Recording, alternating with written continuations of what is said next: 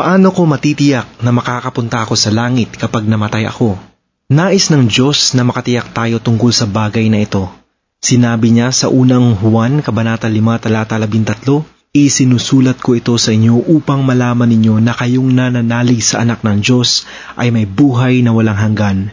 Halimbawa, nakaharap ka ngayon sa Diyos at tanungin ka niya, bakit kita papasukin sa langit? Maaaring hindi mo alam ang isasagot mo. Dapat nating malaman na mahal tayo ng Diyos at gumawa siya ng paraan upang magkaroon tayo ng katiyakang mamuhay ng walang hanggan sa piling niya. Ayon sa Juan Kabanata 3 Talata 16, sapagkat mahal na mahal ng Diyos ang mundo, kaya ibinigay niya ang kanyang kaisa-isang anak upang ang sinumang sumasampalataya sa Kanya ay hindi mapahamak kundi magkaroon ng buhay na walang hanggan. Bakit hindi maaaring makapunta ang tao sa langit? Ang dahilan, tayo'y makasalanan. Nasira ang ating mabuting relasyon sa Diyos dahil sa ating mga kasalanan.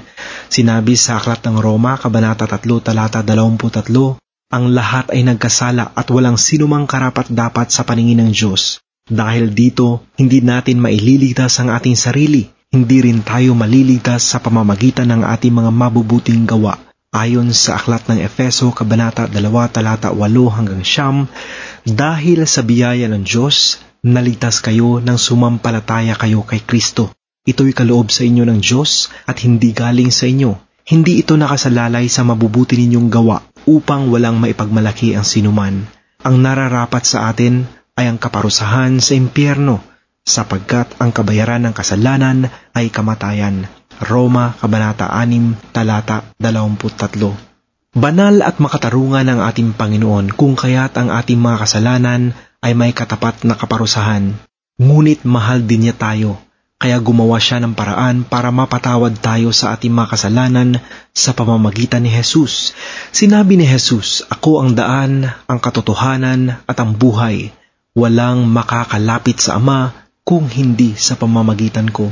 Juan, Kabanata 14, Talata 6 Namatay sa krus si Jesus para sa atin. Sinabi sa unang Pedro, Kabanata 3, Talata 18, sapagkat si Kristo nga'y pinatay kahit wala siyang nagawang masama at siya'y minsan lang namatay upang mapatawad ang ating mga kasalanan. Siya na walang kasalanan ay pinatay alang-alang sa ating mga makasalanan upang madala niya tayo sa Diyos. Pinatay siya sa laman ngunit binuhay siya sa Espiritu. Ayon din sa Aklat ng Roma, Kabanata 4, Talata 25. Ipinapatay si Jesus dahil sa ating mga kasalanan at muling binuhay upang tayo'y maituring ng Diyos na matuwid. Kaya ito ang sagot sa katanungan natin tungkol sa katiyakan ng pagpunta sa langit. Sumampalataya ka sa Panginoong Hesus at maliligtas ka. Mga gawa, Kabanata 16, Talata 31. Sa lahat ng tumanggap at nananampalataya sa Kanya, binigyan niya sila ng karapatang maging anak ng Diyos. Juan Kabanata 1, Talata 12 Matatanggap mo ang buhay na walang hanggan ng walang bayad.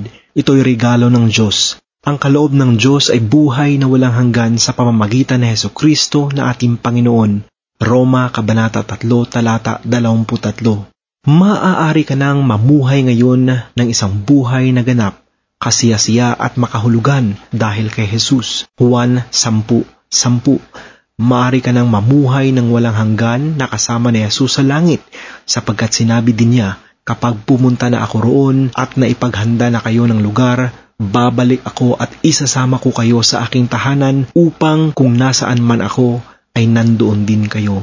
Juan 14, talata 3 Kung gusto mong tanggapin si Yeso Kristo bilang tagapagligtas mo at tanggapin ang kanyang kapatawaran, maaari mo itong ipanalangin Tanging ang iyong pananampalataya at pagtitiwala kay Heso Kristo ang makapagliligtas sa iyo.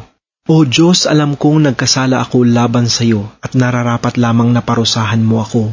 Ngunit inako ni Jesus ang aking kasalanan at tiniis ang parusang dapat ay sa akin. Patawarin mo ako sa aking mga kasalanan. Tinatanggap kita bilang aking Diyos at tagapagligtas. Salamat po sa iyong kahangahangang biyaya at kapatawaran at salamat din sa buhay na walang hanggan. Amen. Ikaw ba ay gumawa ng desisyon para kay Kristo dahil sa iyong mga nabasa dito? Kung oo, i-click ang tinanggap ko si Kristo ngayon sa ibabang kahon.